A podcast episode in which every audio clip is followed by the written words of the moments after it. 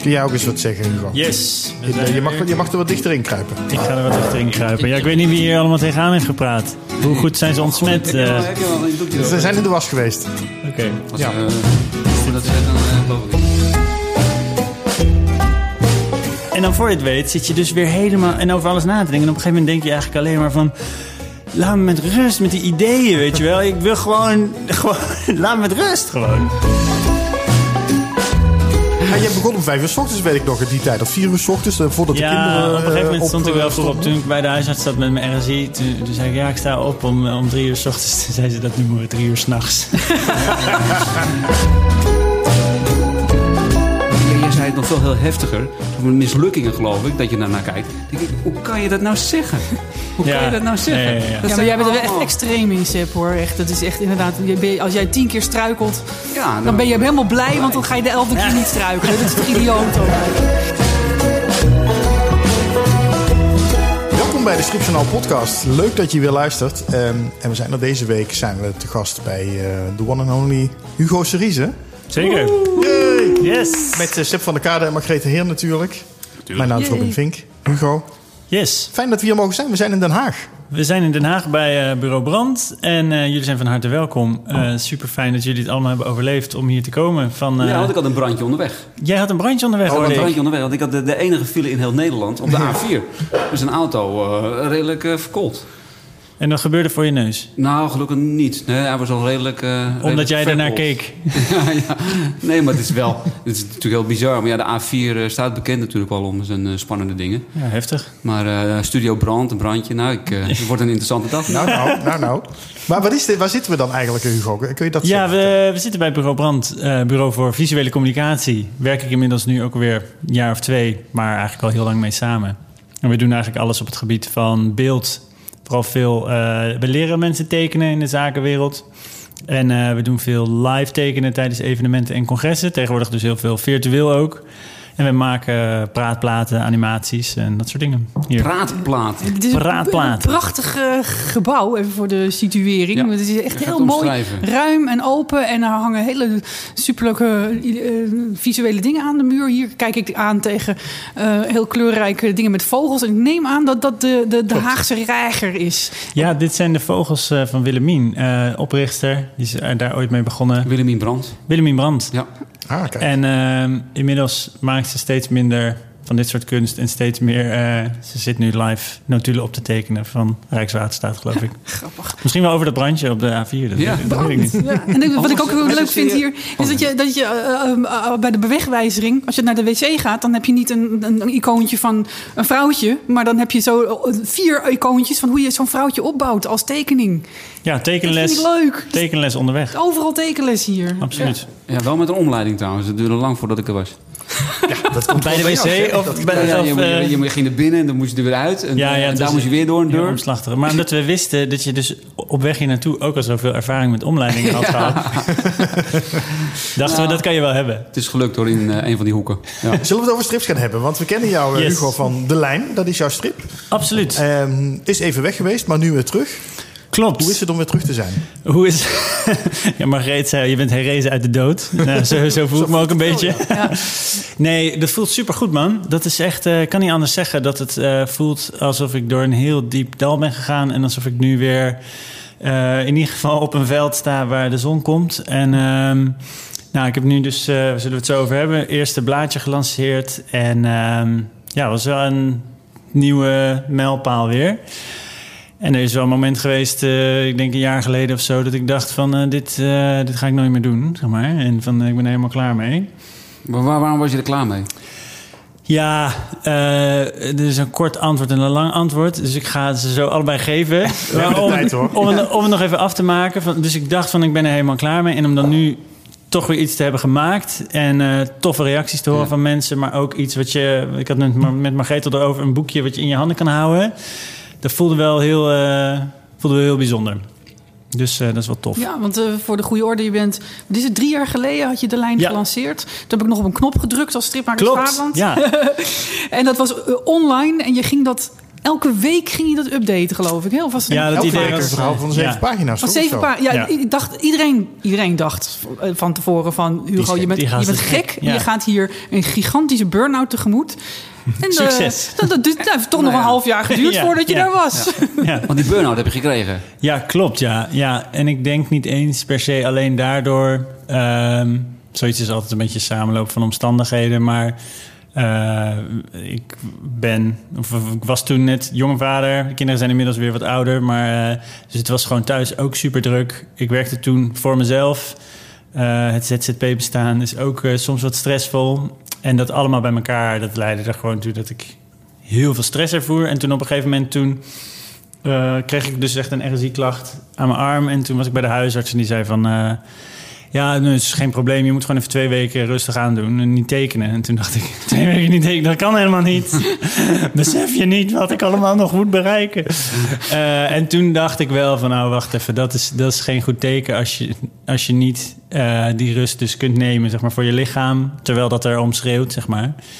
En toen dacht ik, nou oké, dan stop ik even alleen met de lijn tekenen en, en dan gaat het wel. Maar toen langzaam, ja, was ik eigenlijk al heel, zeg maar, super depressieve gedachten in mijn hoofd over van alles. eh, en falen in het leven en dat soort dingen. Waar je ook nog weer prachtige strips over hebt gemaakt. Ja. Ja, Hoe dankjewel. oud was je toen? Toen was ik. nee, nou ja, goed, dat is eh, inmiddels eh, anderhalf jaar geleden. Dus wat was ik, 5, 36 of zo. Ja, 25. Ja.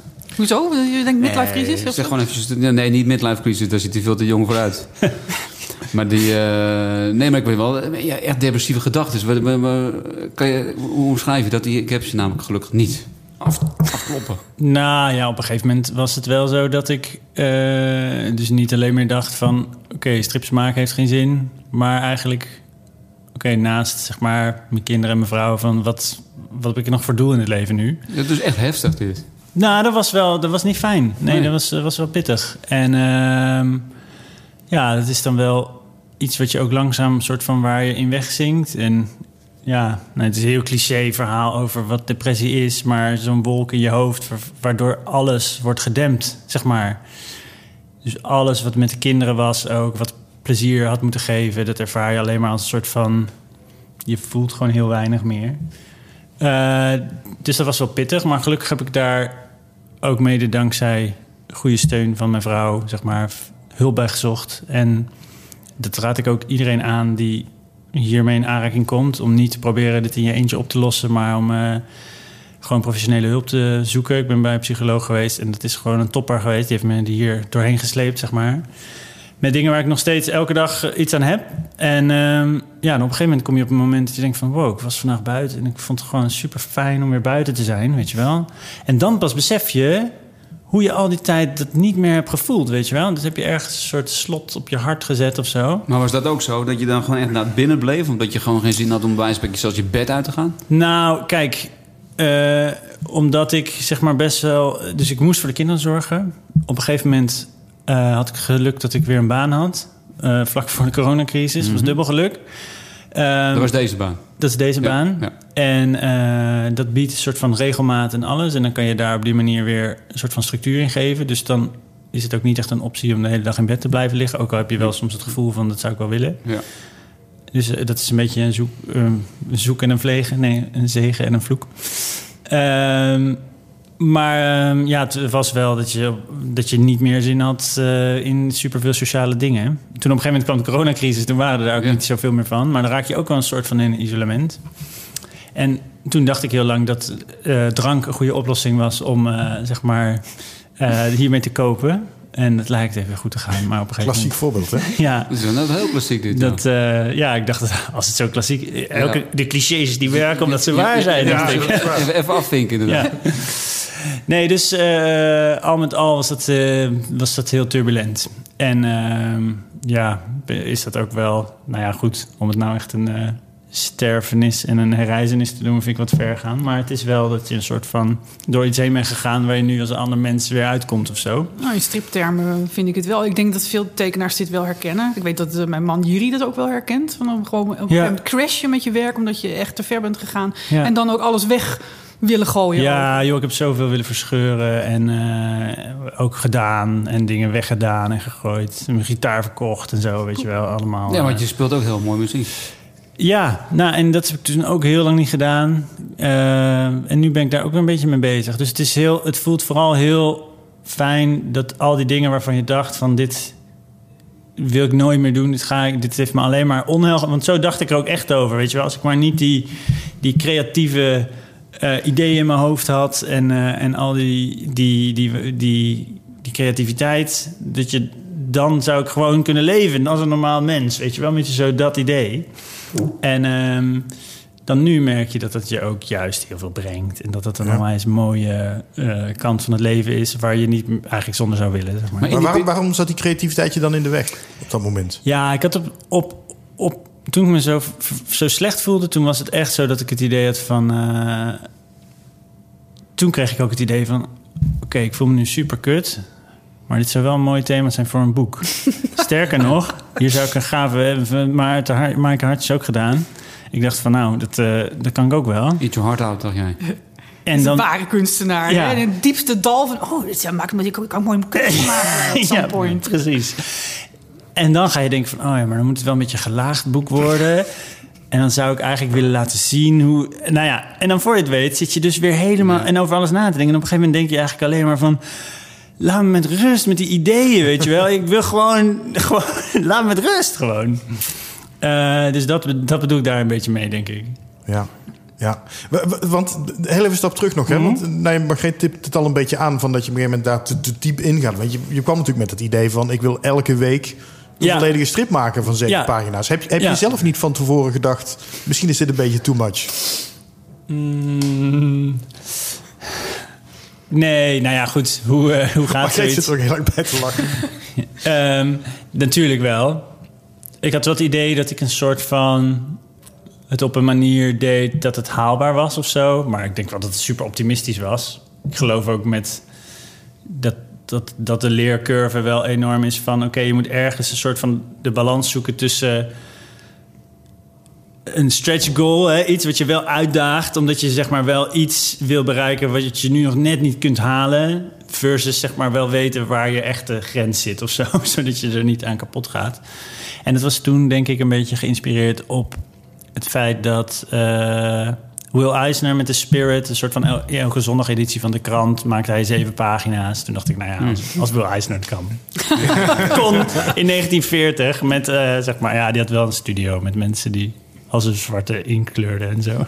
Nee, maar dat is inderdaad, jij doet alles zelf. Nou, dat is een leuk verhaal, want eh, ik deed alles zelf. Maar voor deze trip heb ik dus voor het eerst een colorist ingehuurd. Ehm, en dat is ook weer een Wel heel... En wel. Even En dat is. Jimmy G, heet hij. Jimmy G. Wie is dat? Dat is een Brit die ik heb gevonden op het internet.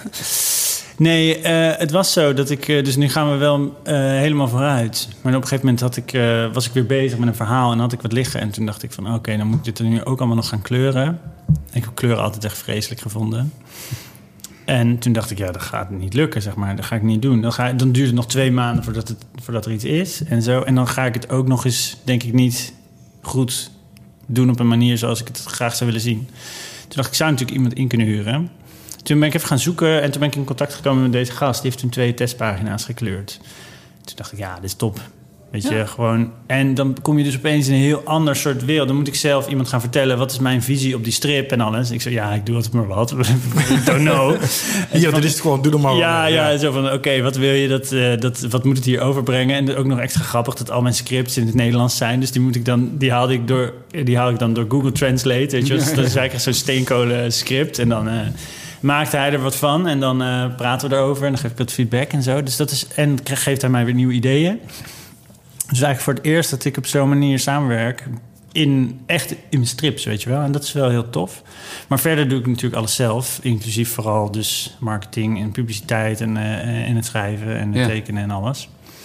Naast een fulltime job, want dit doe je nu.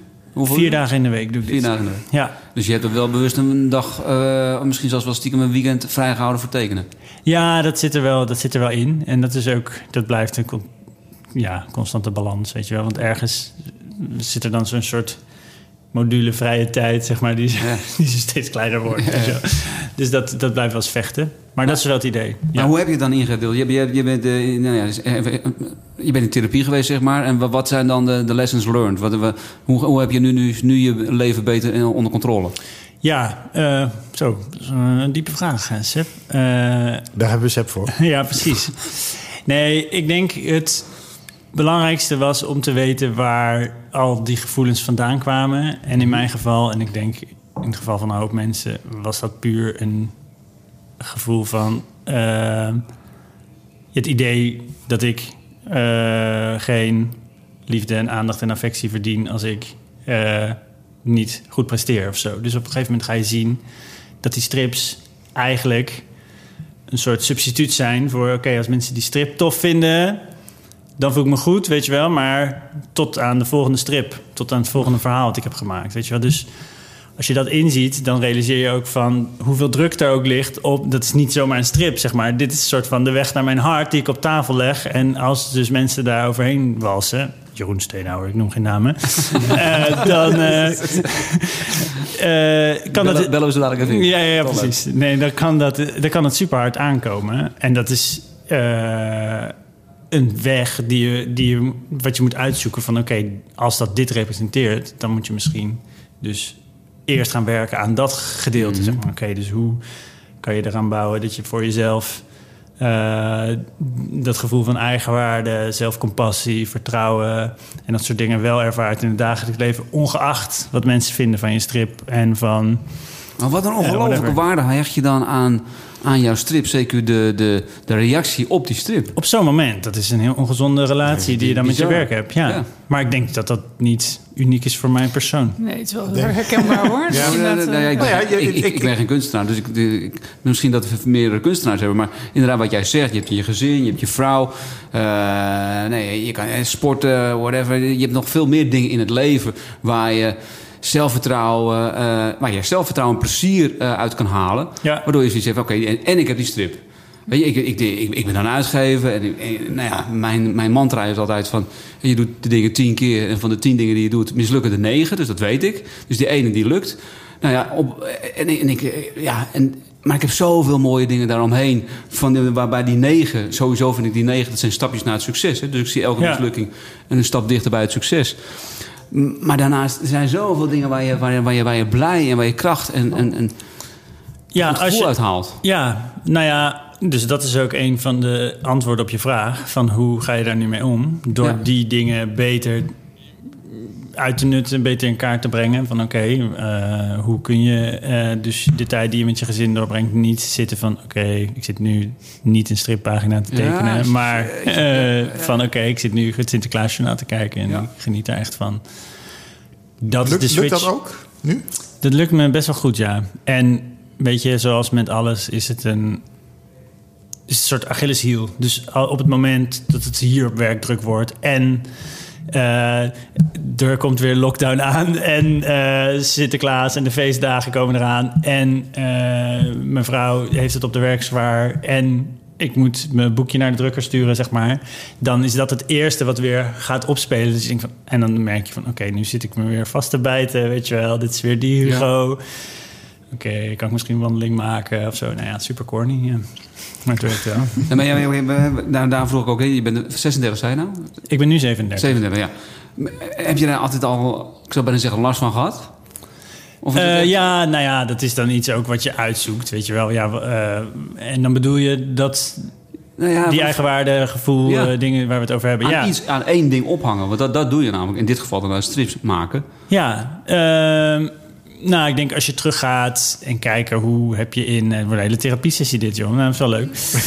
Ehm, goedkoop. Ja, ja, maar mag geen dat heel veel kunstenaars dit zouden kunnen herkennen. Dus ik denk dat dat heel Nee, belangrijk ja, nou, dat, en ik zie dat ook. Eh, en dat is ook wa- waarom ik graag daarover praat. Want ik denk dat het een van de belangrijkste dingen is hierin. eh, is, eh, hè, ze zeggen, zelfcompassie bestaat uit drie elementen. Mindfulness over je eigen gevoel. ehm, eh, liefde naar jezelf. Maar als derde... eh, medemenselijkheid. Weten dat iedereen dit soort gevoelens ervaart op een bepaald moment. En dat iedereen struggelt op zijn eigen manier, zeg maar. En hierin heeft het mij ook enorm geholpen om te weten dat andere mensen er ook op zo'n manier mee omgaan. Dus daar, daarom praat ik er heel graag over. Maar het is wel een thema in mijn leven, ja. Eh, in combinatie met bijvoorbeeld, eh, oké, hoe ben je in groepen altijd geweest? Ja, Mhm. altijd een beetje die clownsrol, weet je wel. Altijd leuk om een grap te vertellen. Oké, misschien is dat wel waarom mensen eigenlijk mij leuk vinden, weet je wel. Dus niet om wie ik ben, maar om de rol die ik speel, weet je wel. Oké, en dan door mensen die je tegenkomt, door ervaringen die je opdoet... ga je daar steeds meer waarde aan hechten en, en, en zo gaat dat. Dus dat is wel zeker een thema in mijn leven waar ik nu heel erg mee bezig ben geweest de afgelopen tijd. Het is ook een vorm van pleasen dan, hè? In- Absoluut, ja. ja. Ja, want die clownsrol, die past jou wel goed. En dat bedoel ik positief. ja, nee, dat denk ik ook. Goed hoor. nee, maar jij, nee, maar ik weet nog heel goed dat ik het vroeger voor de eerste keer zag op een beurs.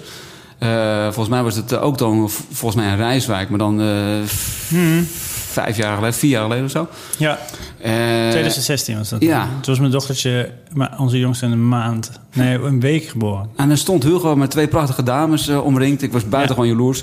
En dan stond hij daar toch een stukje een show af te steken. Wat buitengewoon was op een relatief eh, ja, stof- stoffige eh, stripbeurs.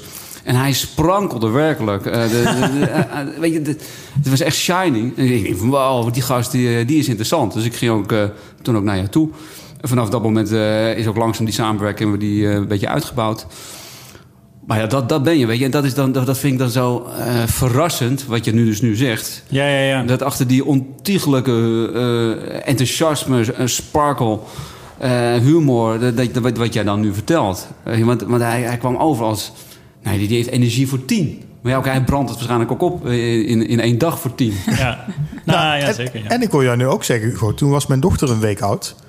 Is er iets dat je nu denkt van, oh, ik zou daar nu na, na een week op zo'n moment daar niet meer gaan staan op zo'n beurs? Nou ja, dat ga je wel afvragen. Van, toen voelde het heel normaal. Als een soort van, ja, weet je, maar dan is de beurs in Rijswijk.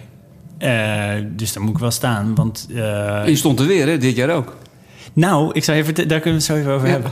Over mijn Eerst even, eerst even gewiekste toen. marketing scheme rondom de stripdagen in Rijswijk 2021. Ja, het zo over hebben. Ehm, maar dat je dus zegt van, nou, daar moet ik staan. Want eh, ik heb bedacht dat ik dan... eh dan kan ik daar ook weer een leuk blogje over schrijven. En dit en dat. En dat heeft allemaal weer meerwaarde... voor het uitbouwen van eh, mijn levensdoel, zeg maar.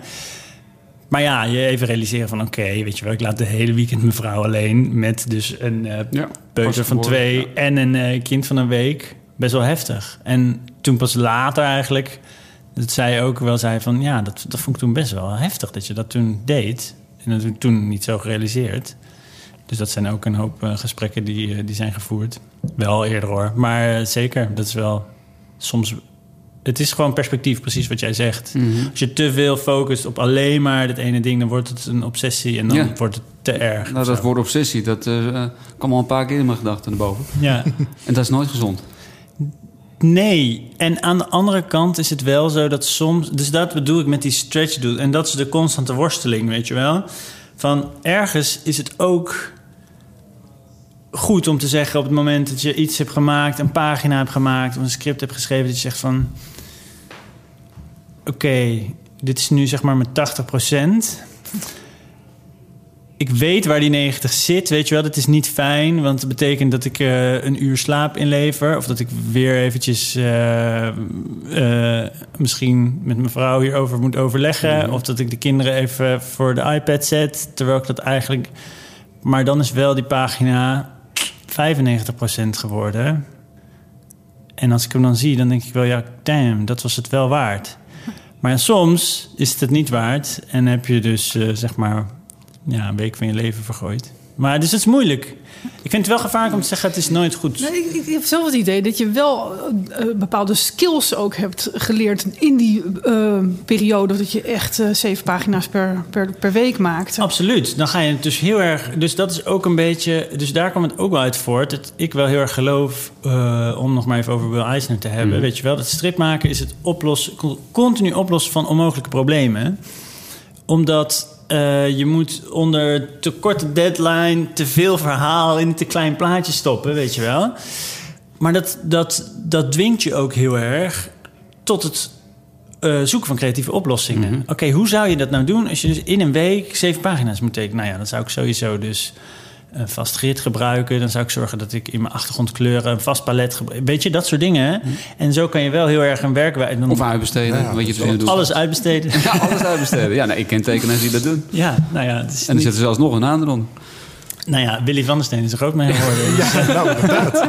Ja, je begon om vijf uur s ochtends, weet ik nog, in die tijd. Of vier uur s ochtends, eh, voordat de ja, kinderen op een gegeven moment eh, stond ik wel eh, voor op. stonden. Toen ik bij de huisarts zat met mijn RSI, toen, toen zei ik... ja, ik sta op om, om drie uur s ochtends. Toen zei ze, dat noemen we drie uur s'nachts.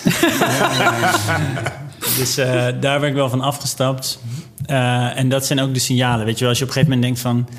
Oh ja, misschien moet ik morgen een uurtje vroeger opstaan. Dan weet ik wel van, oké, dit dit, dit lijkt namelijk een heel zinnig idee. Ja, één keertje, weet je wel. Maar dan weet ik van, nou ja, dat is slippery slope. Ja.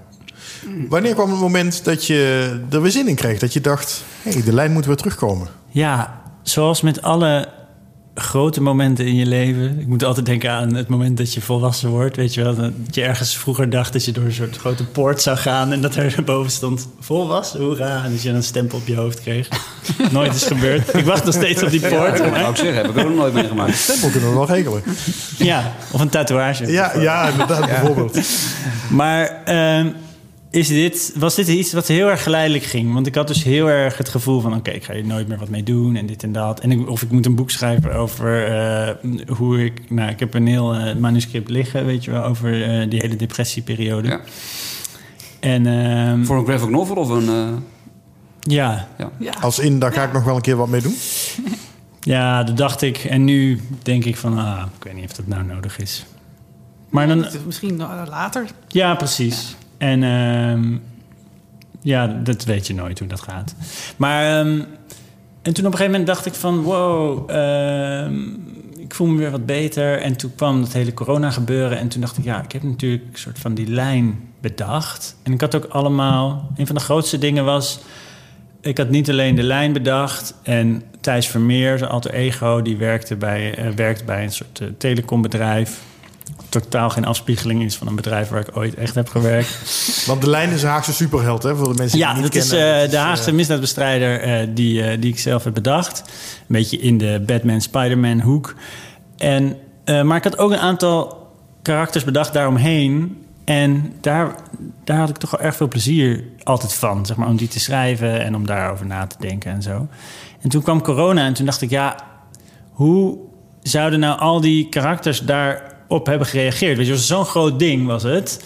En ook zoiets wat op een gegeven moment heel erg voelde als een analogie voor mijn eigen eh, depressieve periode, waarin je een soort van wordt overspoeld door een gevoel van machteloosheid. Dat dat op dat moment bijna iedereen wel misschien, weet je wel. Toen, toen iedereen in lockdown moest, toen we niet wisten wat er allemaal aan de hand was, dat ik dacht van, ja, eigenlijk is dit één groot metafoor voor een individuele depressie, weet je wel. Je hebt het gevoel dat niks meer in je controle ligt. Eh, niks doet er meer toe. Want, en alles wordt je soort van afgenomen. Zo ik dacht van, wow, dit is best wel een aardig metafoor of zo... voor eh, iets wat een persoonlijke reis die ik zelf heb ondergaan. Kan ik daar misschien iets mee? Nou ja, dan denk je, ja, holy shit, weer een idee. Damn, weet je wel. Ehm, en nou ja, toen toch een beetje dat je dan zo wat kleine aantekeningetjes maakt. En dan hoe het bij mij vaak werkt, is dan maak je één tekening of zoiets waarvan je denkt van, oh ja, dit, dit voelt als een soort van een van de tekeningen die in dat verhaal zitten of zo, weet je wel. En toen op een gegeven moment, toen was de, ging de scholen weer open. Toen had ik weer wat ochtenden dat ik een soort van de kinderen naar school kon brengen. Toen dacht ik, nou, ik ga gewoon eens kijken of ik het kan uittypen of zoiets. En toen heb ik gewoon in een maand of anderhalve maand het script uitgetypt. Ik sprak laatst een meisje die ook hier werkt trouwens. Die heeft ook net haar eigen strip gemaakt. En die zei van ja, je dat hele script zit uit te typen. Joh. Ja, dat is heel bijzonder. Wat ben je voor idioot? Je Ja, kan staat het- heel mooi. Er staat een, op je website een, een soort making-of... ja, klopt. waar ja. je dat helemaal beschrijft. Dat vond ik Ja. wel fascinerend om te lezen. Oh, dank je. Ja, ja, ik vind het dus heel fijn om een soort van echt bijna fysiek andere petten op te zetten. Omdat ik dus tijdens het schrijven van zo'n script dan heel erg kan denken van... oké, ik weet niet precies wat dit gaat worden, maar dat zoekt die tekenaar maar uit, weet je wel? En dan kan je een beetje zo je problemen een beetje door en aan het einde zit die tekenaar, maar wat is dit nou weer, weet je wel? Ehm, maar dan kan je, op die manier kom je dus wel op creatieve ideeën, een beetje met het risico van het cliché van, oké, als je houdt van auto's tekenen, maak je alleen maar strips waar auto's in zitten. hè? Ik hou trouwens helemaal niet van auto's tekenen, dus ik had ook het probleem dat mijn scriptschrijver dus een scène had geschreven met allemaal auto's erin, dat was echt vreselijk. Maar Bij het scriptschrijver. Heeft hij Dat ben je zelf, hè? conflicten. Ja. Dus, ehm, maar goed, om eh, terug te komen. Toen, eh, toen heb ik dat script uitgetypt. En toen dacht ik, oh wow, dit is wel een, echt een enorm lang verhaal. Ook weer natuurlijk, goed gedaan. Eh, en toen heb ik dat even in een, in een la gelegd. En toen dacht ik, ja, als ik dit allemaal moet gaan tekenen... dat wordt vreselijk, dat ga ik niet doen. Dus toen, en toen weer een beetje heb je dan zo'n dalletje. En toen daarna dacht En toen had ik met mijn vrouw erover. En die zei van... Wat zou je nou leuk vinden? Toen zei ik van... Ja, dat- Oh, er vibreert iets. Ja. Telefoon gewoon uit, eh, Sepp, in plaats van Ja, stil. ja, ja, ja, ja, maar de, af. uit, ben je helemaal gek met de telefoon uit? Het leven is gevaarlijk. Ja. Ehm, toen ehm, zei ik van ja, ik zou wel eens ehm, weer een boekje willen maken. Want ik had ehm, heel lang geleden, eigenlijk in de tijd dat Sepp mij zag staan shinen op deze Ja. stripbeurs. het voelde heel anders. Volgens mij stond ik toen naast Margreet. Ja, ik wil net zeggen, toen hebben wij elkaar Ja. daar ontmoet. Ja. ja. Grappig hoe alles samenkomt hier. Eigenlijk is het de reunie van Rijswijk. Is het eigenlijk. IJswijk 2016. Ehm, toen had ik een soort van heel eh indie-achtig een eigen stripbladje gemaakt. De Haasjager heette dat. Waarin ik een soort van korte verhaaltjes en verkenningen van wat strip allemaal kon zijn. Eh, en wat ik daar vooral heel leuk aan vond, was het maken van die boekjes als een soort van afding. En ook met een, er zat dan een gagstrip op de achterkant. En zaten ook reclames in en zo, die allemaal voor producten die niet bestonden. En een colofon die nergens op sloeg en zo. En toen, zat ik dat terug te lezen op een gegeven moment. Toen dacht ik, wow, dat was toch wel... En nou heb je heel lang dan op teruggekeken, wat jij net zei. Zo van, oh ja, dit is ook allemaal mislukt. Weet je wel, dat je zo zit terug te kijken. En toen op een gegeven moment dat, dat je je weer beter vond. Dus je terug... Dat is eigenlijk best wel gaaf dit, weet je wel. Zoiets, dat zou ik wel weer zien zitten of zo. Dus ik dacht van, ja, ik kan natuurlijk gewoon een eerste issue maken van iets... En dan gaat het langzaam een beetje zo... Oké, een eerste issue. Dus hoe zou je dan het script dat je nu hebt opknippen... dat je een eerste issue kan maken? Ja, ik denk zo. Oké, dan ga je dus thumbnails maken. Dan ga je schetsen en denk je... Oké, het zijn 24 pagina's. Maar, of het waren natuurlijk net 25. Dan moet het een veelvoud van 8 zijn. omdat je het anders niet kan drukken. Dus dan moet je het weer... Oké, hoe, hoe doen we dat? Misschien kan ik hier wel een scène bij schrijven. Eh, Oké, een boekje, ja, het zou cool zijn. Ja, moet het wel dat comic format hebben, wat net niet A4 is. Wat, eh, Dus dat is wel vrij belangrijk dat je dat van tevoren dan weet en zo. Colorist zoeken. En, eh, ja, en, toen, en toen dacht ik, nou, weet je, ik ga gewoon dit ding maken. En ik stuur het naar wat mensen op. En dan zet ik het op mijn webshop en dan kunnen mensen het kopen. En dan, dan zie ik wel weer verder. En toen waren de reacties super positief. En dat je opeens denkt van ja, dit heb ik wel fout gedaan, zeg maar, in die vorige keer. Dat je, eh, dat heb je ook wel eens gezegd, dat toen ik de lijn online publiceerde, dat er eh, natuurlijk helemaal geen verdienmodel achter zat. Eh, beginnersfout. ik dacht dat ik er liefde voor terug zou krijgen. Ook dat is mislukt. dat niet. Ja, ja, voor mij. Maar ja, dat heb ik geen. Nee, maar dat je nu ziet, omdat je zo'n boekje afmaakt... Ja, je hebt er wel liefde voor terug, want die, liefde zie je nu terug in het boekje. Nou, dat iedereen dat het boekje wil kopen. Is mooi gezegd, Margreet. Ik denk dat je daar gelijk in hebt. Nee, dat klopt. Eh, maar dat is wel de lange, de lange adem. eh, dat is het zeker. Maar nu... Eh, perfect, perfecte ingang voor een crowdfunding, by the way. Of eigenlijk is dit wat... Ja, nou ja, dat, daar kunnen we het zo verder over hebben. Want daar heb ik ook wel zeker ideeën over. Ehm, maar dat je dan ook nu ziet... Toevallig vanochtend heb, je, heb ik in mijn inbox... Oké, weer iemand heeft zo'n boekje besteld. Weet je wel, ja, vet. Dat is toch gaaf? Van eh 109 naar 110 of weet ik veel wat. Ja, kicken. En ehm, eh, dat houdt je ook wel heel erg gaande, zeg maar. Dat is wel, eh, dat is wel echt vet. Is dit een antwoord op een vraag die gesteld is? Ik weet het, ik ben het ook even kwijt, maar ik vind het wel Nee. fascinerend om te horen. Weet je wat ik zo fascinerend vind? Dat je dus, je komt eigenlijk uit, uit die burn-out en dat diepe dal wat je net beschreef. En in plaats van dat je gewoon langzaam weer eens voorzichtig een stripje gaat tekenen, begin je meteen met een heel magazine Ja. met, met te denken aan drukken en dit soort dingen. En je maakt het meteen heel groot. maar het ligt er nee, wel. Maar dit, is, dit is ook het ouderwetse small press idee. Hè? Ja, nee, dat is wel zo. Hoeveel bladzijden is het? Het is best wel lang. Maar, maar weet je wat mij een beetje Ja. opvalt, Hugo? Is dat, eh, kijk, eh, jij doet heel veel dingen, ik doe ook wel eens wat. Maar op het moment dat ik dingen doe, dan krijg ik er energie van. Weet je, ook al, Ja. wordt het, ook, al, Ja. ook al wordt het bij wijze van spreken geen financieel succes... Ja. ik heb er altijd enorm veel plezier aan beleefd om het te maken. Dat is één. En ten tweede om het te- te vermarkten.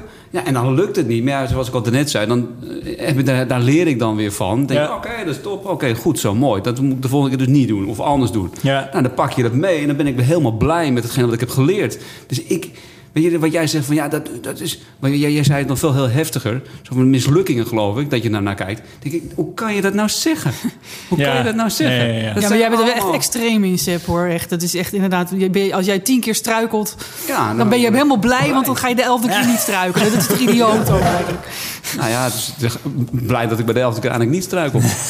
Ja, maar dat is niet normaal. Normale mensen, die ben, na drie keer struikelen, denken, denken ze van, van... jemig, wat ben ik ook een ontzettende lul... dat ik nou alweer drie keer gestruikeld ben over het, min of meer hetzelfde idee. Weet je wat, ik hou er helemaal mee op. Dat is Robin, normaal. Zeg jij ook eens wat? Nou, ik ben dus nu heel benieuwd naar wat jouw grootste mislukkingen zijn, Seb. Want ik heb altijd het gevoel die- dat bij jou, bij jou alles, alles fantastisch loopt. Nee, ik, ik, ik, ik doe inderdaad behoorlijk veel. En, maar ja, het zijn ook geen mislukkingen, omdat ik inderdaad op een andere manier maar- naar kijk. Zoals Margreet al zegt, dat het eh, exceptioneel dan zou zijn. Ik heb een grote bewondering voor, hoor, by the way. Want Ja. ik zou, maar dat mensen moet, zouden dat moeten kunnen doen. Maar je wordt naar beneden gehaald door, je, door het feit, door gevoel van...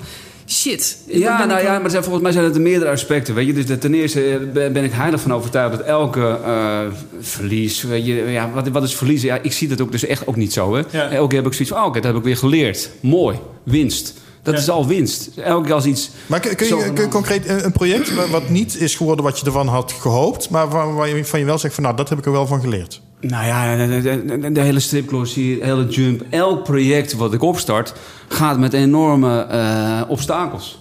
Weet je, dat ik, eh, nou ja, dan, dan niet in dit geval met jump en stripglossie, maar problemen met drukkers gehad, problemen met vormgevers gehad. Eh, met, met, met tekenaars, weet je, dat ik denk van, ah ja, weet je. Maar dan elke keer herleid ik, oké, maar wat kan ik de volgende keer daar dan anders aan doen? Dus ook niet iemand de schuld geven, zeggen, van, ah, wat een stomme drukker. Nee, heb jij dan wel het goed gebriefd, om maar iets te noemen? Heb je dat van tevoren goed ingecalculeerd? Heb je het wel goed gebudgeteerd? Had je een goed marketingplan? Zaten ze er überhaupt wel op te wachten? En zo zit je te fine-tunen. En ik heb wel eens inderdaad bepaalde strips aangekocht. Ga ik even geen namen noemen, maar dat ik denk van... achteraf, jemig, dat was niet een hele slimme investering. Maar ik heb nu wel kennis gemaakt met die tekenaar. En daardoor kan ik nu wel dit project doen, want daar is die persoon wel weer geschikt voor. Hè, dus en dat, dat zijn van die zaken dat ik denk, jee, maar dat heeft me een clown met, eh, met, eh, echt heel veel geld gekost. Op dat moment is dat ook zo. Weet je? En dan denk ik, eh, maar oké, wat is nu de winst? Dus nou, dat ik weet dat ik die daar niet voor moet inzetten. En ik moet dat, eh, daar wel, die daar wel voor inzetten. En zo pak je door. En, nou, en dit, dit is direct van toepassing op bijvoorbeeld inderdaad op een jump, op een stripglossie. Je gaat voortdurend fine-tunen. En dat vind ik het leuk. Het is een dynamisch geheel waar je mee bezig bent. Voortdurend aan ben je aan het polijsten, aan het bijschakelen, Ja. bijsturen. Dat vind ik helemaal te gek. Ja, ik vind het wel, ik ben wel met Margreet eens hoor. Dat het wel een soort van knappe, weerbare instelling is. Die denk ik niet iedereen, Dichterbij, Hugo. Ja. die denk ik niet iedereen heeft. Ehm, en Ja. ik denk dat het ook wel toch uitmaakt ehm, of je dus, ja, hoe zeg je dat? Als je zelf iets tekent of kunst maakt of muziek maakt, bijvoorbeeld of zoiets. Dat, dat is vaak iets wat. Want waar jij het over hebt, zijn wel een soort van, denk ik, meer business-gerelateerde projecten, weet je wel? Ik snap wat je bedoelt. Je bedoelt, eh, ik, ik maak niet iets, ja, ik creëer iets. Ik creëer iets met mensen. Maar ik, ik, maar ik, ik, kan niet tekenen, ik kan niet schrijven. Weet je, dus ik kan heel veel van dat soort dingen inderdaad niet. Ik kan niet eens een, eh, een kastje in elkaar zetten. Dus eh, dat besteed ik allemaal uit en dat kan ik heel erg goed. Ehm, nee, maar ik heb ooit wel eens een keer in het ver verleden een boekje geschreven. En daar heb ik ook heel veel eh, hele slechte kritieken op gehad. Ook hele positieve kritieken op. Maar ook hele slechte. Eh, iemand heeft me zelfs bijna aangeklaagd. eh, voor dat ene boekje. Dat is echt bizar. Hier, Weet je, zit, dus hier echt- zit ook een podcast in, denk ik. Ja, zeggen. maar dan denk ik, ja, ook daar kijk ik met ontiegelijk veel eh, plezier eh, op terug. Terwijl ik, Goed, ik heb echt momenten. Ik ben door een man gebeld uit mijn bed. S ochtends vroeg om drie uur. Volgens mij was jij dat het ik. En ik gebeld door iemand. En die begon me gewoon uit te schelden. Van hoe ik het verzon om zo'n boekje te schrijven. Wie ik dacht dat ik Waar was. ging dit boek over? Ja, nou ja, ik zou zeggen, ga lekker googlen. Maar Is dit nog ergens te krijgen? Oh, ik heb geen internet. Nee, maar, maar zonder gekheid, weet je. De- en, en dan, eh, nou ja, op een gegeven moment heb ik tegen die man gezegd... lees eerst het boekje goed, want volgens mij heeft u het niet goed gelezen. En toen belde hij terug, inderdaad later, een week later... ook weer ochtends vroeg. En toen heeft zijn excuses aangeboden. Kijk. En, eh, hij dan wel hoor, velen niet hoor. Maar, die- maar waar het om gaat is, ja, weet je, dat was een heel persoonlijk iets. Dat was wel Ja. iets wat ik Ja. had gecreëerd. Ja. Eh, maar ik had wel zoiets van, ja, er is zoveel meer. En, en dat, dat was een beetje terug naar wat jij zei. Je maakt het zo extreem groot. Ik bedoel niet dat je daardoor je enthousiasme moet, af, eh, moet temperen. Want dat doe ik met niets. Ik, ben overal heel snel enthousiast over. Dat is niet gefaked. Ik ben gewoon een enthousiast mannetje. Maar ik heb wel zoiets van, ik heb meerdere dingen waar ik enthousiast over ben. Ik kan ontiegelijk enthousiast zijn over mijn kinderen of wat ze doen. Ja. Eh, om maar iets te noemen. En dan ben ik, ik ben nu super enthousiast over weer een nieuw blad wat we aan het maken zijn. Daar stop ik ook heel veel tijd en energie in. Maar ja, het zijn zoveel dingen bij elkaar waar ik, waar ik enthousiast over ben. Dus, en, en dan is er dus die verwachting. Ik weet gewoon, het kan mislukken. Maar daar Ja. doe ik het niet voor. Ik doe het voor die reis, Hugo. Ja. Ik doe het voor de reis ernaartoe. Ja, maar en waar die is- eindigt, dat zal Ja. me... Maar dat, is wel, dat is wel denk ik een heel belangrijk eh, punt, zeg maar. Dat je, als je daarvan kunt genieten, dat merk ik nu ook... dan is een hoop van de beladenheid is dan weg, zeg maar. En dan ben je gewoon iets aan het doen waar je heel veel plezier uit haalt... wat jou contact oplevert weer met andere mensen... waar je weer van kunt leren. En dan ben je gewoon iets heel tofs aan het doen. En, dan heb je elke dag een leuke dag. Vrijwel elke dag een leuke dag. Is dat boekje een heer van afstand? Ja. 1995 bij bol.com. Is gewoon nog te krijgen. Nou, dan bestel hem dan maar bij mij. Voor 15 uur besteld, Kijk, morgen in huis. Ik heb er ook nog een paar. Oh ja. Maar die, eh, gaat, gaat over Martin Toonder. ja. Eh, Er is een, een, een, een, een gemeenschappelijke fascinatie volgens mij tussen Hugo en mij. ik, ik voel een soort extra podcastaflevering af, Ja. aankomen hierover. Dat, misschien moeten we het daar maar eens even over hebben. Ehm, het- waar we het nog even over moeten hebben. Jij zei daar straks, eh, eh, Hugo, ik heb eh, een soort hele mooie commerciële promotietour eh, langs eh, de stripdagen gemaakt. What happened? Nee, het was grappig dat ik sprak toevallig... eh Ger Apeldoorn, die belde mij over de lijn... eh, omdat hij een stukje wilde schrijven in de Apple. En die vroeg toen, ben je in Rijswijk ook? En toen, dat was een maand voordat het was. en ik wist helemaal niet dat het, dat het was. Eh, en ook natuurlijk door het hele corona gebeuren... of het überhaupt wel door zou gaan of zo... was geloof ik nog eerst invragen of zo. En wat ik heb besloten eigenlijk... ik denk twee beurzen na die beurs waar Sepp het net over heeft... dat ik eigenlijk liever niet meer naar beurzen ga als standhouder. Omdat het me superveel eh tijd, ook wat geld en energie kost... om dus fulltime twee dagen op zo'n beurs te staan. Meestal ergens niet in Rijswijk, wat toevallig naast de deur is... Dus je moet daarheen rijden, weer met kratten, sjouwen van boekjes. Dat je dacht, oh ja, maar ja, als die beurs komt... laat ik toch maar weer even voor 250 euro eh, nog dit boekje ook printen en zo. Om te vervolgens weer mee naar huis te nemen zondagavond, weet je wel. Ehm, daar heb ik helemaal geen plezier meer aan, weet je wel. En dan, eh, eh, wat ik wel leuk vind, is om iedereen te zien die daar staat. Eh, om rond te lopen, nieuwe makers te ontmoeten... en een beetje bij te kletsen met mensen die ik ken. Dus sindsdien heb ik bedacht, ik ga gewoon als bezoeker naar die stripdagen. Vind ik superleuk. Dan betaal ik eh 8 euro voor een kaartje. Of 16 of 25, ligt een beetje aan waar je heen gaat. En dan eh, loop ik daar een uurtje rond, of soms vier uurtjes of zo. En dan eh, vind ik, heb ik het hartstikke naar mijn zin. Dus dat had ik bij Rijswijk ook gedaan. En toen, de dag voordat ik daarheen ging, werd ik gebeld door Omroep West. Van, hé, hey, we willen nog stripmakers interviewen. Ja, had je goed in de kijkers gespeeld. voor, eh, voor de stripdagen. Dus mogen we jou interviewen? Ik zei, ja, ik sta daar niet door. Nee, maakt niet uit. en toen uiteindelijk werd het item dus zo... dat ik ongeveer de enige stripmaker was die was geïnterviewd. daar, eh, en een meisje van elf, geloof ik. Ja, dat was erg leuk. Ja. Dus eh, dat was grappig, vond ik. Ja. Ook een soort van eh, marketingles, denk ik, voor iedereen. Dat soort van...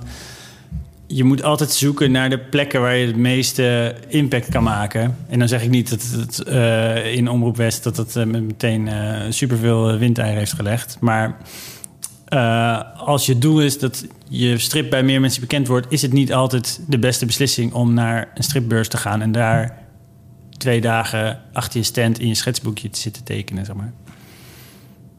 Want via Omroep West bereik je weer een ander publiek, bedoel je? Of misschien wel een geïnteresseerde publiek. Als je dus zelf uitgeeft, is het nu zo makkelijk om via internet een publiek op te bouwen. Nou, er zijn genoeg voorbeelden van mensen die dat ook zeker doen. Eh, en waarom heb je dan... Kijk, als je de beurs ziet als een eh middleman... die via wie eigenlijk jij dus je boekjes verkoopt... dat doe je. Je huurt een stand zodat je daar mag verkopen. Weet je, want die marges die zijn natuurlijk licht aan hoeveel je verkoopt. Maar ja, loopt daar jouw eh, perfecte lezer rond? Wie is jouw ultieme doelgroep, weet je wel? Als, de, als jij strips maakt over eh, eh, 14-jarige skateboarders of zo... dan zou ik niet naar een stripbeurs gaan om daar te proberen... zeg maar, je doelgroep... eh, als je een bommelboek schrijft daarentegen... Mhm. dan is het misschien wel weer... Dat is een mooie doelgroep. Maar even dan terug naar de reis van 2016. Jij en ik hebben elkaar daar in ieder geval ontmoet. Weet je, dus, dus, Zeker. Dus ik had zoiets van, eh, voor mij was het een... eh, die hele reiswijk was voor mij al geslaagd omdat ik jou toen daar heb ontmoet. Maar dat, zo kan het ook gaan bij zo'n beurs. Dat je dus één of twee contacten, dat dat de moeite waard Ja. is. Maar eh, de vraag is, moet je daarvoor er twee dagen zitten? Ja dat, ja, dat weet ik niet. En kijk, het is inderdaad wel heel erg belangrijk wat jij zegt. Je moet natuurlijk je, je aanbod afstemmen op het publiek wat daar rondloopt.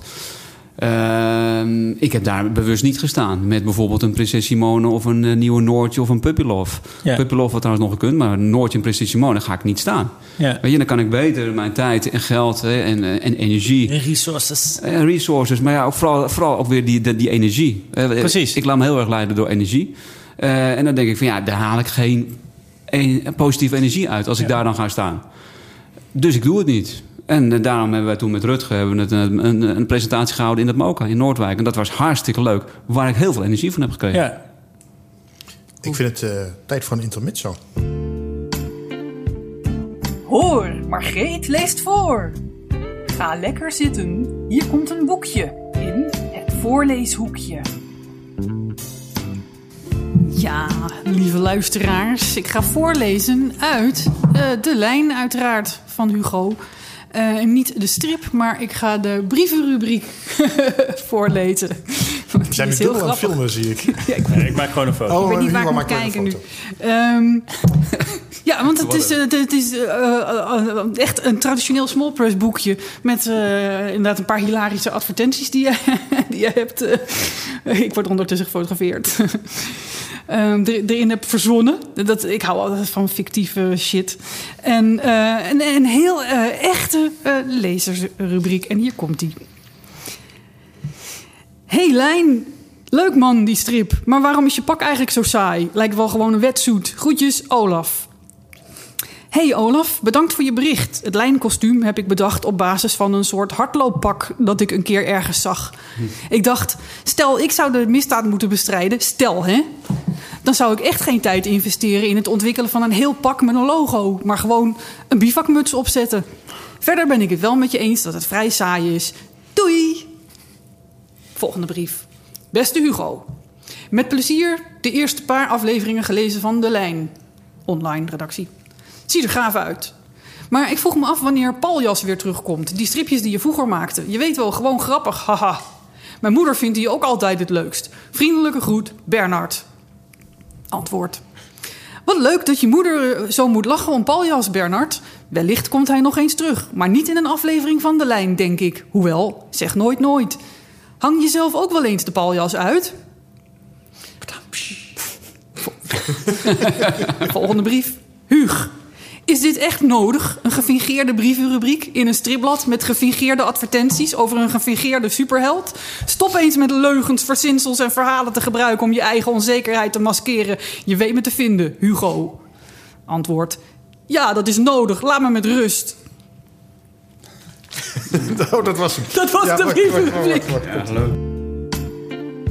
Dat was het weer. Tot de volgende keer bij het voorleeshoekje van Margreet de Heer. Maar ben je echt zo gespleten, Hugo? Ik denk, ik denk wel dat ik een beetje gespleten ben. Ja, dan net met die scenarist en tekenaar, man. Dat is toch niet normaal? Ik vind het ook wel fijn werken. Om een soort van, op dat moment hoef je ook niet een soort van verantwoording af te leggen over al je andere persona's. Zo. Het voelt wel prettig, denk ik.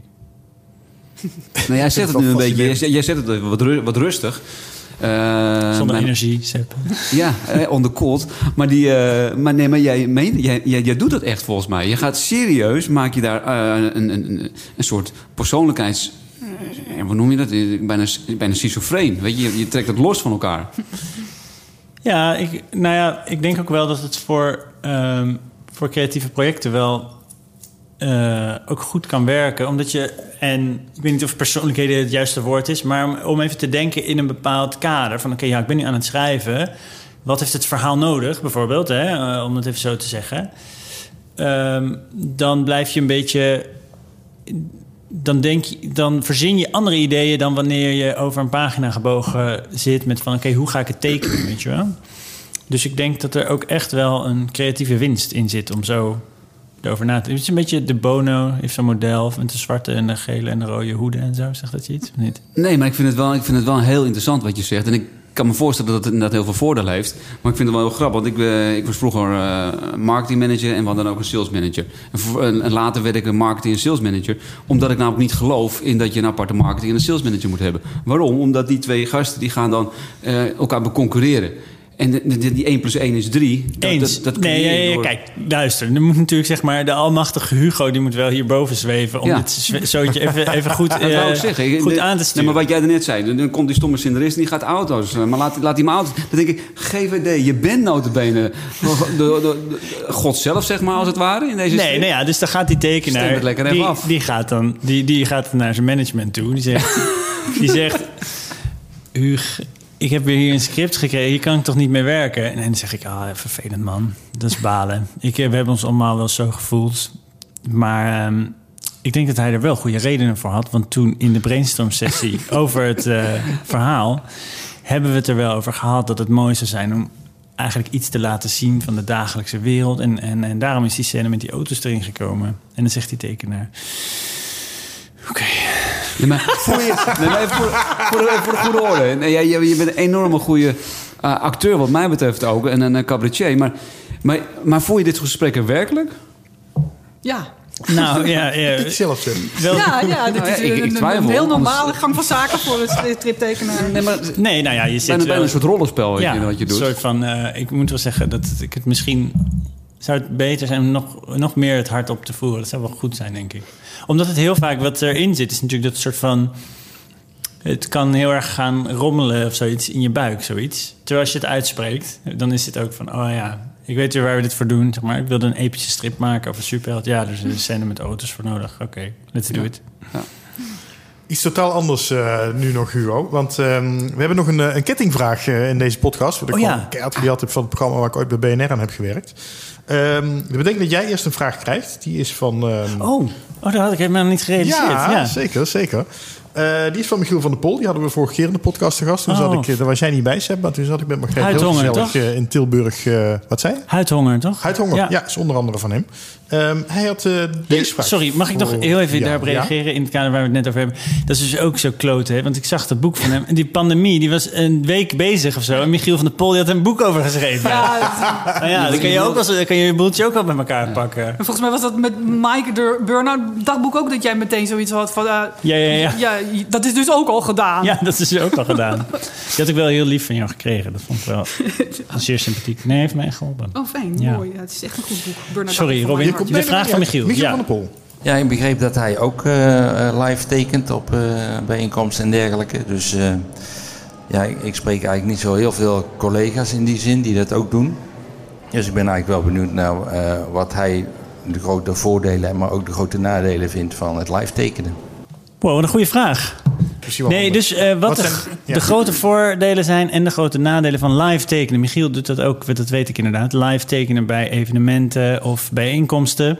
Tegenwoordig eh, zijn daar een hoop van afgelast. Maar eh, doe ik dat dus ook veel via Zoom bijvoorbeeld. Wat ook weer zijn eigen uitdaging met zich meebrengt. Wat zijn de grote nadelen van live tekenen? Eh, sowieso dat mensen dus zien dat je aan het tekenen bent. Dat is echt.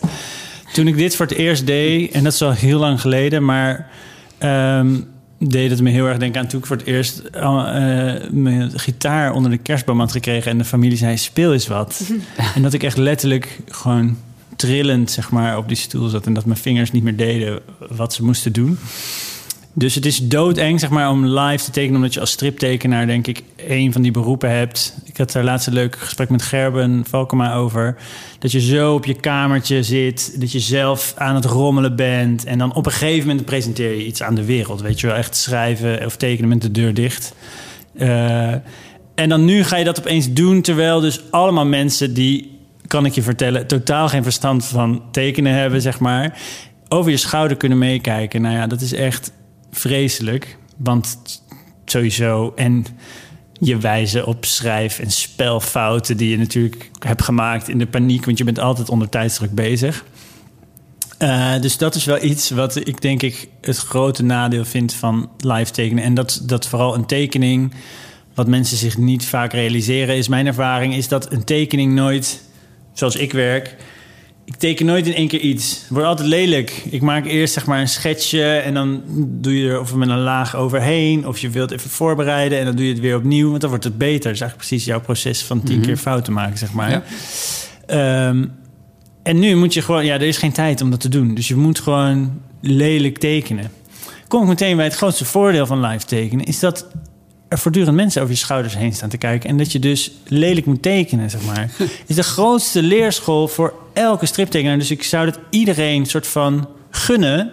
Ik werk hier met een aantal collega's die ook veel dus eh, onze praatplaten maken... en die, die, die gaan niet op... eh, we hebben een paar mensen die wel live tekenen... en een paar mensen die zeggen, ja, dat doe ik gewoon niet... want dat kan ik helemaal niet, dan sla ik dicht... dan kan ik niet denken, et cetera. Ja, maar even een praatplaat. Een praatplaat is gewoon een... eh, Ja, dat is een grote visual die eigenlijk bestaat uit meerdere componenten. Dus vaak gaan we dan naar een, eh, een organisatie die vertelt over hun visie op 2025. En dan luisteren we en dan maken we daar één grote tekening van... waarin verschillende stromen samenkomen met kleine icoontjes erin. En een soort overzichtsplaat eigenlijk. Een soort infographic, maar dan getekend eigenlijk. En da- da- daarna een discussiestuk of zo. Ja, en dan kun je daarna met behulp van praten, zeg maar... Ja, en dan wordt het een praatplaat. Ja. Ja. illustreren.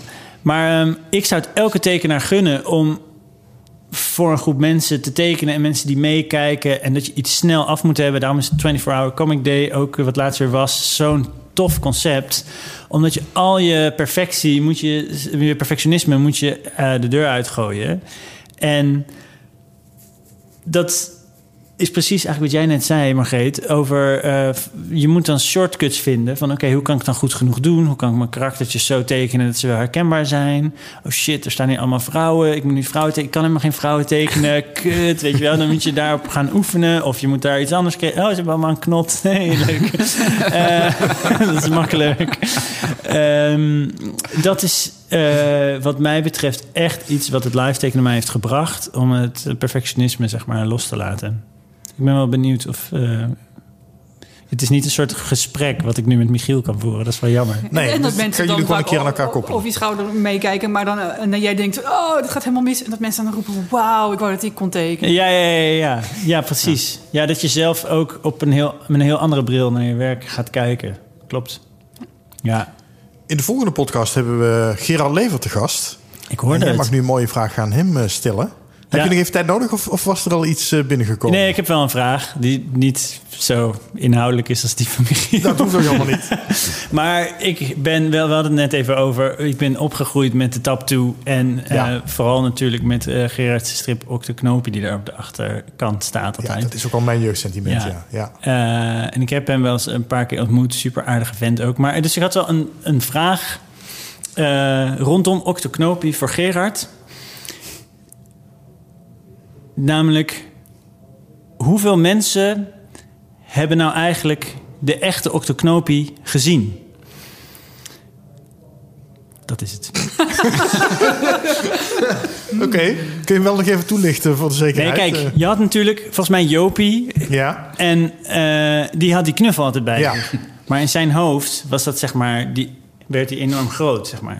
Maar volgens mij zag dus niemand, behalve Jopie, zag zeg maar dat Octoknopie zo groot werd. Ehm, of is dat niet zo? ja, volgens mij klopt dat wel wat je zegt, ja. Daar ga ik nu eens over twijfelen. nou ja, maar, dus dus ik zou graag van er Gerard een exact die- antwoord hebben... met hoeveel mensen Oxyknopie ooit echt in actie hebben gezien. En hem niet als knuffel hebben gezien. Oké. Nou, ik ben heel erg benieuwd naar het antwoord op deze mooie vraag. Dan hebben we nog een, eh, een prijs weg te geven. Tudutudutudu. Ik pak hem Heb er je daar ook een jingle voor of niet? Oh. Ehm, nee, ik heb eigenlijk helemaal geen... Nee, ik zit even te kijken. Heb ik iets... eh, nee, ik heb eigenlijk niet een soort, soort pauk of zoiets. eh, alleen De een Stripjournaal Alleen een podcastprijs. applausje heb ik wel, maar ja, Ja, dat is alles. Zo'n paussignaal, dat is wel net Pauk moet ik er even bij. Die ga ik, eh, die ga ik even regelen voor de volgende keer. Dat is echt gek nu. Dus ik wil zien dat ik het weer niet heb. Ehm, ik heb er twee. Want Op een gegeven moment zijn we een beetje... eh, heb ik zeg maar mensen wat meer de tijd gegeven... tot de volgende podcast om nog een keer in te vullen. Maar ik raak daar al helemaal de draad kwijt. Dus ik dacht, ik ga gewoon alles wat ik nog weggegeven heb... nu gewoon doen. Eh, dus dat betekent dat we nog het boek van Rutger Gret hebben weggegeven. En een boek van Michiel van der Pol. Ehm, eh, nou ja, voor, eh, voor de mensen. Dus we gaan er twee... Nou, dan geef ik jullie gewoon allebei Wel, welk boek van Michiel van een der Pol? envelopje. Wat was het ook alweer, uh, Margreet? Ik ben het Welke kwijt. van zijn 15 boeken? Eh, Ja. Was het gewoon het huidhongerboek? Was het huidhonger? Nee, volgens mij was het... Nee, het was de Gevoelige Mannenclub. Dat was hem. Zie, ik was het al een beetje kwijt. En ik moet ook nog, eh, bedenk mij nu, ehm, de... Ik, ondertussen zit ik met envelopjes te rommelen waar die dingetjes in zitten. Als je het een beetje. Rutger, is het nou de hardcover of de softcover? De, volgens mij is het een hardcover Ja, zelfs. natuurlijk. Maar we hadden het er zelfs over dat het misschien een misdruk zou zijn. Maar ik geloof dat ik van Oh, Rutger ja, uiteindelijk ja, gewoon een goede heb meegekregen. Maar mensen hebben wel de- een voorkeur aangegeven. Dus we gaan even kijken wat het wordt. Ik geef jou... eh, Wat een ingewikkeld prijstrekkingsproces Ja, is dit, joh. ja, deze is ingewikkeld. Ik geef deze aan Margreet en, en deze of zo. Ja. Nou, dan mag jij daar... eh, we beginnen bij jou, Michiel. Even voor de luisteraar. Ehm, ik heet, ik heet Hugo. Hugo, ja. Ik krijg nu dus een envelop in mijn handen gedrukt met allemaal kleine papiertjes erin. Ja. Het zijn allemaal pri- potentiële prijswinnaars van het album van Rutger Gret. Ik heb het gevoel dat het weer Sinterklaas is. jij er een uithalen? Dit is dus voor het boek van Rutger Gret. Ja.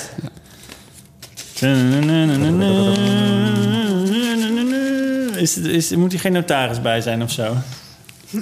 Nou, misschien Is moet dat ook wat zou En de zijn? winnaar van het boek is Dick de Wilde. En Dick hij de Wilde. vraagt expliciet om de misdruk. Oh, dan heb ik volgens mij een probleem. Sorry. We kunnen er nog wel een pagina uitscheuren misschien.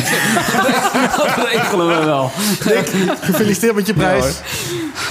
Ik, ehm, ik weet dus niet helemaal zeker of, het een, eh, of ik nou misdruk heb meegegeven. Ja, daar praten we overheen. zijn? Zou ik niet twee, twee keer doen? Zou ik niet dubbel doen? Ja, Dan ik, ga, eens- moeten- ik ga eens even met Rutger en met Sepp hierover in conclave. Maar die misdruk is geen probleem. Ik had gehoopt dat, dit, dat juist deze er niet uitgetrokken zou worden. Want er waren ook heel veel mensen die geen voorkeur hadden aangegeven. Dat had je even moeten zeggen toen ik de prijs trok. Ja, ik weet het. Margreet.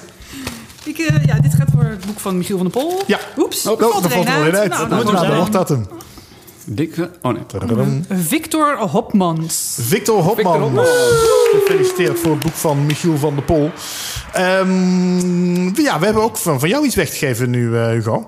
Ja, leuk me wel leuk om eh, een gesigneerd exemplaar van de lijn 1 en 2, die volgende week uitkomt, Oh, Wow. spannend. eh, weg te geven bij de volgende podcast. Dat lijkt me een heel goed plan. Stripjournaal.com slash actie, maar dan moeten mensen een codewoord invullen. Codewoord mag jij geven nu, eh, Hugo. Ik Dit- zie alle dit had ik graag van draaien. Ja, dat dacht ik al. Als Ik vind het juist leuk om dat dan, eh, spontaan te vragen. springt het eruit. Sepp barst van de energie. Eén woord. Is dat, is dat een... Oké, de codezin is het dan dit keer. Absoluut. Stripjournaal.com slash actie. Sepp barst van de energie. Ja, klopt. .nl. Ja.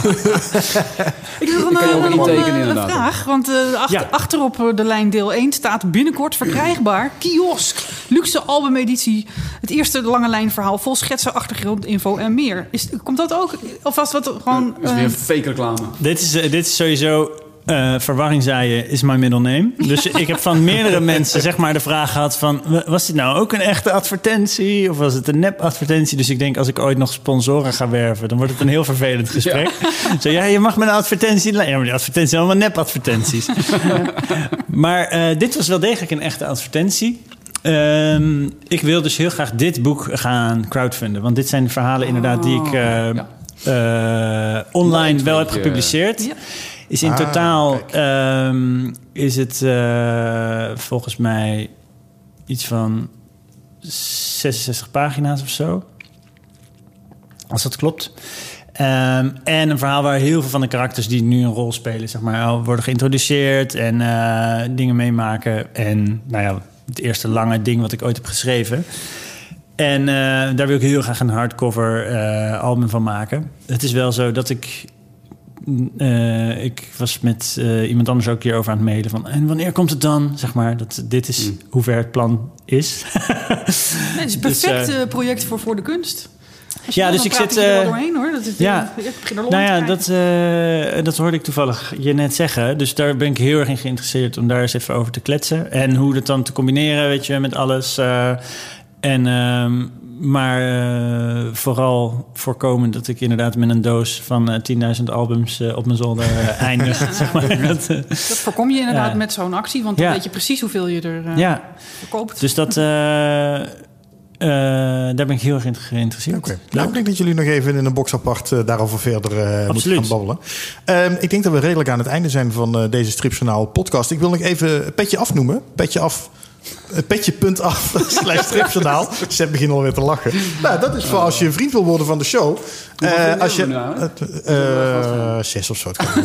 Zes, er meer dat zijn- ja, dat vind ik ook. Verdorie. Dus als je, als je altijd, met, altijd met veel plezier naar deze podcast luistert, dan kun je daar een kleine bijdrage geven. Dan maak je ons heel erg blij mee. Ehm, gewoon als soort van, van bedankje, zeg maar, voor eh, nou ja, dat je altijd lekker naar die podcast kan luisteren. En je krijgt er ook wat voor terug. Bijvoorbeeld dubbelkans op eh, de prijsvraag. Dit mooie blad van Hugo. Ehm, je krijgt eh, als eerste te horen welke nieuwe gasten er zijn. Je kan bijvoorbeeld, eh, je krijgt wat, wat achter de schermen beelden. Bijvoorbeeld die mooie video, eh Margreet, van- met het uh, voorleeshoekje. Kunnen wij nog de- voor de mensen van Petje Afzep ehm, nog iets eh, meer details opnemen over dat mooie boek wat jij ooit geschreven hebt? Eh, en, en, en rechtszaak en alles? Of wordt het dan heel gevoelig? Volgens mij Eh, moet het mag altijd. Moet moeten we echt inderdaad een podcast aanwijden. Ik heb het gelezen. Ja. Ik wilde het al eens een keer in een voorleeshoekje doen, gewoon om je sep te pesten. Is Voor mij de pest. Is dit een, eh, gewoon een hele aflevering waard? eh? ja, ik denk het wel eigenlijk. oh, dan moeten we dat ja, misschien eens gaan er was heel veel we hebben de laatste aflevering met jou gedaan, Margreet. zeggen. Sep Dan gaan we barst van energie. Gaan we binnenkort Ja, gaan we een er aflevering helemaal met snel Sep weg. doen. Oké. jeugdzonden. Oké, dat, dat ge- wordt dus gewoon voor iedereen. Ehm, nou, dan ga, ik, dan ga ik in ieder geval wat mooie foto's en video's van deze prachtige locatie waar we zitten hier eh, bij Bureau Brand met Hugo. Ga ik nog wel even delen, ook via petje.af. Ehm en ik wil iets voor Rob Stoks, want die, die, ik, ik hoopte eigenlijk een beetje dat jullie hem zouden trekken uit die prijsvraag. Want het is een van mijn trouwste luisteraars.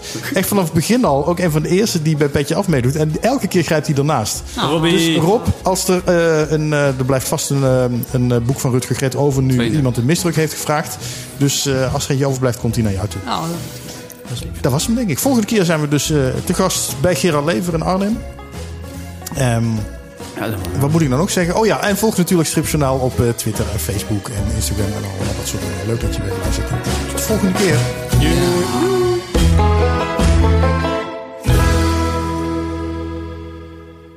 Leuk, Hugo. Nou, hij staat Maar nou, nou, dan ga je gelijk weer nummer 2 doen, hè? Huppake deze. Dat, ja. Je bent nog niet eens bekomen van nummer 1 en hap door naar nummer 2. Dat is wel weer een tempo eigenlijk hoor.